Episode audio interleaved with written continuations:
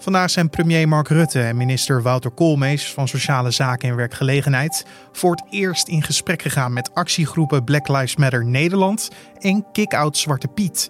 Dit om te praten over racisme in Nederland. Wat er allemaal is besproken hoor je in deze Dit wordt het nieuws podcast. Hij ziet, uh, hij ziet dit, uh, dit gesprek als een startpunt van uh, meerdere gesprekken die gaan volgen. Maar ook in een, in een groter proces waarbij deze actiegroepen het kabinet ja, zullen adviseren over hoe om te gaan met uh, structureel racisme. Dat was politiek verslaggever Avinash Biki, die vandaag bij het Katshuis aanwezig was. Hij kan je straks uitgebreid vertellen wat er allemaal besproken is. Maar eerst kijken we kort naar het belangrijkste nieuws van nu. Mijn naam is Carne van der Brink. Het is vandaag woensdag 2 september en je luistert naar de Dit wordt het nieuws middagpodcast. De Russische oppositieleider Alexei Navalny is vergiftigd met de gifsoort Novichok. Dat meldt de Duitse regering op basis van ziekenhuisonderzoek op Navalny. Vorige week werd al bekend dat sporen van een zenuwgif in het lichaam van de oppositieleider waren gevonden. Daarnaast kon worden gemeld dat de symptomen van de vergiftiging aan het verbeteren waren, maar dat Navalny wel op de intensive care moet blijven. In 2018 werd Novichok nog gebruikt in gasvorm tegen de Russische ex-dubbelspion Sergei Skripal en zijn dochter. De eerste door Nederland gefinancierde opvang voor alleenstaande kindmigranten wordt momenteel ingericht op het Griekse vasteland. Dat schrijft staatssecretaris Ankie Broekers-Knol van Justitie en Veiligheid in een brief aan de Tweede Kamer. De tijdelijke opvanglocaties zijn een alternatief van Broekers-Knol voor het opvangen van minderjarige alleenstaande asielzoekers in Nederland. Griekenland vroeg EU-landen een deel van de alleenstaande kindmigranten uit de overvolle vluchtelingenkampen op te nemen. Volgens Broekers-Knol is de kinderen naar Nederland halen geen structurele oplossing. Zij wil daarom alleenstaande kinderen in Griekenland onderdak bieden en helpen aan een gastgezin in Griekenland. Minister Hugo de Jonge van Volksgezondheid wil de corona-app ook landelijk uitrollen als het testbeleid daar volgens deskundigen niet op aansluit. Experts vinden het juist cruciaal dat mensen zich na een waarschuwing van de corona-app ook zonder klachten zich kunnen laten testen. Maar de minister wil daar niet op wachten. Op dit moment kunnen mensen zich in principe alleen laten testen als ze klachten van het coronavirus ervaren. Die richtlijn zal leidend zijn als de app landelijk wordt ingevoerd, zo zei de jongen in een debat over de corona-app. De minister mikt nu op halverwege september voor een landelijke uitrol van de app. Twee 18-jarige Urkers hebben een taakstraf van 60 uur opgelegd gekregen omdat ze in juni van dit jaar een boa van de kade in het water hebben geduwd. Het slachtoffer was bewust uitgekozen omdat hij volgens de mannen iedereen bekeuringen gaf, al dus het Openbaar Ministerie. De mannen lokten de boa met een smoes over een in het water gevallen telefoon naar de kade. Toen de man polshoogte kwam nemen, werd hij door één van hen het water ingeduwd. Beide mannen zijn vervolgd voor mishandeling. Bijzonder en inspirerend, zo noemde premier Mark Rutte het gesprek van afgelopen juni over racisme en discriminatie dat hij toen voerde op het Katshuis. Het gesprek voerden ze naar aanleiding van de grote Black Lives Matter demonstraties.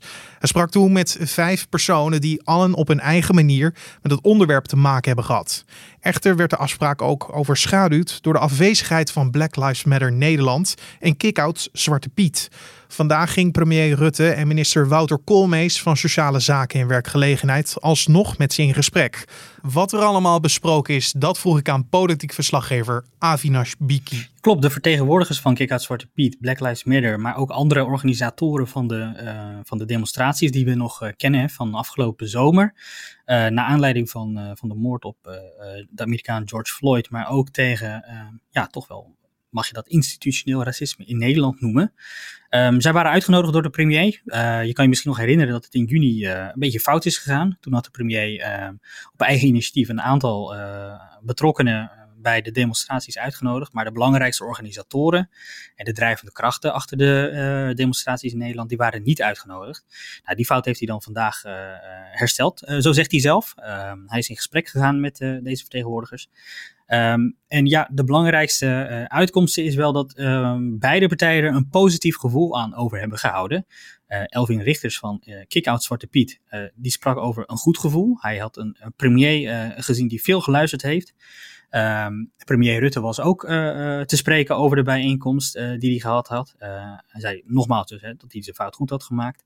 Hij vond het een geloofwaardig gesprek en zijn inzet was dat ze er samen alles aan gaan doen om, om discriminatie terug naar nul te krijgen. Want dan heel veel terug naar juni. Uh, Kick-Out Soort Piet had gereageerd op die afspraak met dat het een PR-stunt was, hè? Ja, Klopt. Um, ja, zij voelde zich natuurlijk een beetje gepasseerd en terecht ook. Hè. Zij strijden al 14 jaar tegen uh, de verandering van het uh, uiterlijk van Zwarte Piet. Uh, en uitgerekend deze, deze actiegroep is niet uitgenodigd. waar je zag dat de premier onder andere wel in gesprek ging met bijvoorbeeld de gele hesjes. Het beruchte fragment van de mevrouw die de premier op het torentje geen hand gaf. Um, ja, dat, dat, dat, dat, ja, dat stak nogal dat, dat zij dat gesprek niet met de premier kregen. Uh, daarom noemden ze het ook een PR-stunt. Uh, een reactie van, van, van het kabinet van premier Rutte op de demonstraties. En zij vonden dat er uh, ja, een veel duurzamer gesprek eh, zou moeten plaatsvinden. Wat betekent dat nou, een duurzamer gesprek? Kick-Out Zwarte Piet, Black Lives Matter en de activisten vinden dat in het bestuur, het kabinet, de ministers, het beleid, dat dat er veel meer op gericht moet zijn om dat institutionele racisme aan te pakken en te bestrijden. Ehm, er werd ook gevraagd, hè, vind, je, vind je dit dan nog een, uh, een PR-stunt? En daarvan, zou, daarvan zei Elvin Richters ehm, dat er nog uh, te vroeg is om daar een uitspraak over te doen. Um, hij, ziet, uh, hij ziet dit, dit gesprek als een startpunt van meerdere gesprekken die gaan volgen. Maar ook in een, in een groter proces waarbij deze actiegroepen het kabinet ja, zullen adviseren over hoe om te gaan met structureel racisme op bijvoorbeeld de arbeidsmarkt of bij uh, politie en justitie. En het bekendste voorbeeld wat we natuurlijk allemaal kennen is uh, de discriminatie bij uh, de Belastingdienst in zaken de kinderopvangtoeslagfraude. Maar wat gaat er dan nu gebeuren? Zijn er al vervolgafspraken gemaakt? Ja, wat mij opviel is dat, um, dat ook de, de actievoerders um, er niet per se zijn om op korte termijn een signaal of een symbool of een handreiking te krijgen. Zij zijn er echt in voor de long run. Um, en de afspraak is dan ook gemaakt uh, dat ze uh, eind september opnieuw met elkaar in gesprek gaan. Um, dan zou je misschien denken, nou, er wordt wel heel veel gepraat. Um, dat moeten we natuurlijk ook allemaal even afwachten. Het is wel een signaal dat, uh, dat bij het volgende gesprek niet alleen premier Rutte en minister Koolmees aanwezig zullen zijn, maar meerdere departementen die betrokken zijn uh, of te maken hebben met racisme en discriminatie. Uh, dan moet je denken dus aan bijvoorbeeld het ministerie van Onderwijs, het ministerie van Veiligheid en Justitie, um, maar ook uh, het ministerie van Gezondheidszorg. Um, die zullen allemaal aanschuiven om, om te horen wat voor ideeën de actiegroepen hebben. Want Rutte waarschuwde afgelopen juni nog dat over een paar weken niet alles bij het oude mag blijven. We moeten echt proberen om racisme met elkaar te killen. Dat zei hij na het eerste gesprek. Alleen, we zijn nu bijna drie maanden verder en ja, dit gesprek heeft uh, plaatsgevonden. Hoe hoog staat het dan op de agenda van Rutte en zijn ministers, uh, dit probleem? Ja, klopt. Het is drie maanden later. Ik moet er wel even bij opmerken, er is natuurlijk ook een reces tussendoor gekomen. Hè? Dus dan staat het ook een beetje stil in, uh, in Den Haag. Um, maar ehm, ja, weet je, zou je mij vragen, zijn er nu concrete plannen om um, iets tegen dat institutioneel racisme te doen? Ja, dan is het korte antwoord gewoon nee, dat is er niet. Maar ik heb ook niet echt het idee dat, uh, dat er op korte termijn, uh, dat, dat, dat beide uh, partijen, zowel het kabinet als de actievoerders, concrete maatregelen voorzien op korte termijn. Wat ze wel willen, zei meneer Richters, is dat zij vinden dat politieke leiders, en bijzonder ook eh, premier Rutte, zich veel fermer uh, moeten uitspreken over uh, ja, toch wel racistische incidenten uh, hier en daar. Ja, premier Rutte zei daarvan, je erkende zelf ook dat hij in de tien jaar dat hij premier is, dat hij dat in het verleden niet gedaan heeft. Um, en dat hij ziet dat hij dat, dat, hij dat wel doet, wel moet doen. Nou ja, zijn quote, ik, ik citeer nu even letterlijk, is dat hij zegt: Mijn denken is in de afgelopen jaren absoluut veranderd. Uh, los van wetten en nota moet, het ook, uh, moet ik me ook uitlaten over maatschappelijke fenomenen die niet acceptabel zijn. En dan is het natuurlijk, gaat het over uh, racisme en discriminatie. Um, ja, dus dat, dat moeten we dan ook nog maar even bekijken. Hè, van, gaan ze nou die norm stellen? Gaan ze nou echt um, zich maatschappelijk bemoeien en zich feller uitspreken tegen racisme en discriminatie?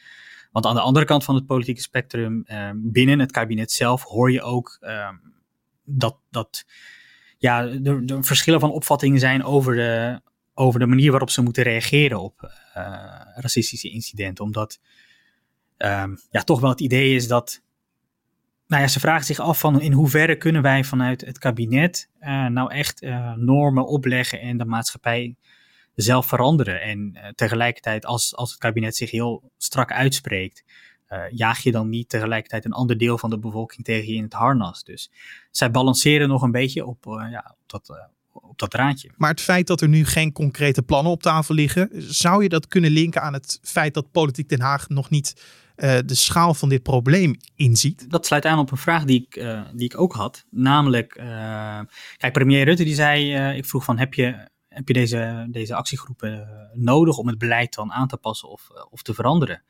Um, nou, daarvan zei hij ja. Uh, hij, vindt, hij vindt de input heel nuttig. Nou, dat doet gelijk de vraag natuurlijk uh, reizen van hoe kan het dat er in de afgelopen tien jaar, misschien niet langer, uh, die kennis dus niet aanwezig was. Ja, daarom mijn gedachtegang van zien de actiegroepen dan iets wat Politiek Den Haag dan niet ziet? Precies, ja. Dus dat is een hele goede vraag. Van, snappen zij zelf wel wat het probleem is?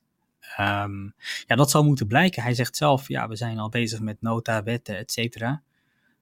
Um, maar ja, je mag toch eigenlijk hopen dat deze actiegroepen uh, het kabinet niet iets nieuws vertellen. En dat zij zelf ook al weten waar de problemen zitten in, uh, bij veiligheid en justitie uh, en, en bij het onderwijs, et cetera. En speelt de rol van de samenleving dan ook nog een rol in hoe er wordt gesproken over dit onderwerp?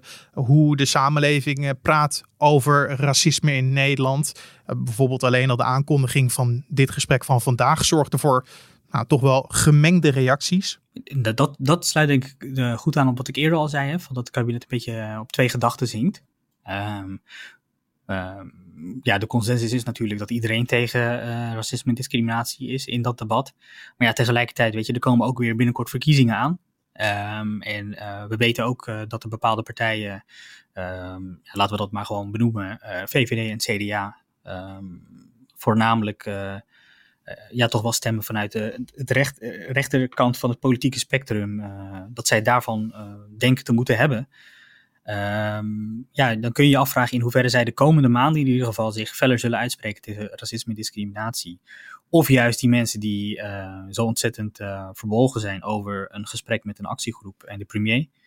Um, of zij, of zij ook die kiezers niet tot zich willen nemen of bij zich willen betrekken. Want als je kijkt naar de kritiek uh, over, ja, moet je nou wel in gesprek gaan met actiegroepen zoals Black Lives Matter Nederland en Kick-Out Zwarte Piet, vind jij niet dat de politiek sowieso verplicht is om met iedereen in gesprek te blijven of in gesprek te gaan? Poeh, ik, ik, zal, ik zal de politiek nooit uh, verplichten om uh, met wie dan ook te, in gesprek te gaan. Dat is allemaal een afweging van een kabinet zelf en hoe een, hoe een kabinet en een coalitie er zelf in staat. Um, wat wel echt heel Nederlands is, is um, en ook wel echt eh, typisch iets voor Rutte is, is om uh, problemen te omarmen. Uh, dus als er, als er een probleem is, dan, dan, druk je dat heel dicht tegen je boezem aan. En dan ga je ermee in gesprek.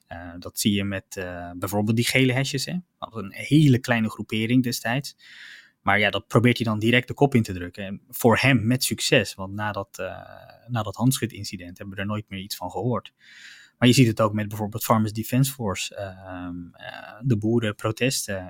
Die, die blijft hij ook gewoon uitnodigen, ondanks het feit dat, uh, dat ze politici bedreigen, de holocaust ontkennen uh, en, en, nog meer dubieuze zaken propageren. dus dat is wel echt iets, iets voor Rutte. Dus zijn deur lijkt voor iedereen open te staan. Nu dus ook na al die jaren voor Kick-Out Zwarte Piet en Black Lives Matter.